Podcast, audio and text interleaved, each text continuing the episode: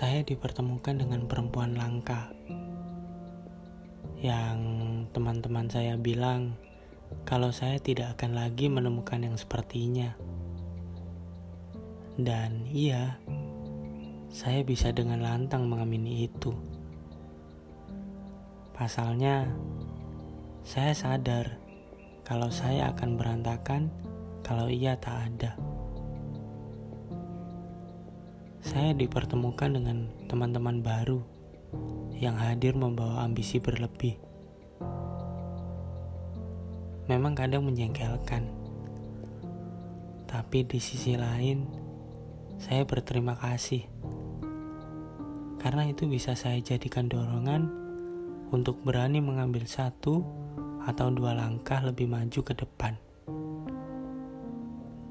Terima kasih karena sudah membuat sosok yang bukan siapa-siapa ini menjadi lebih berarti.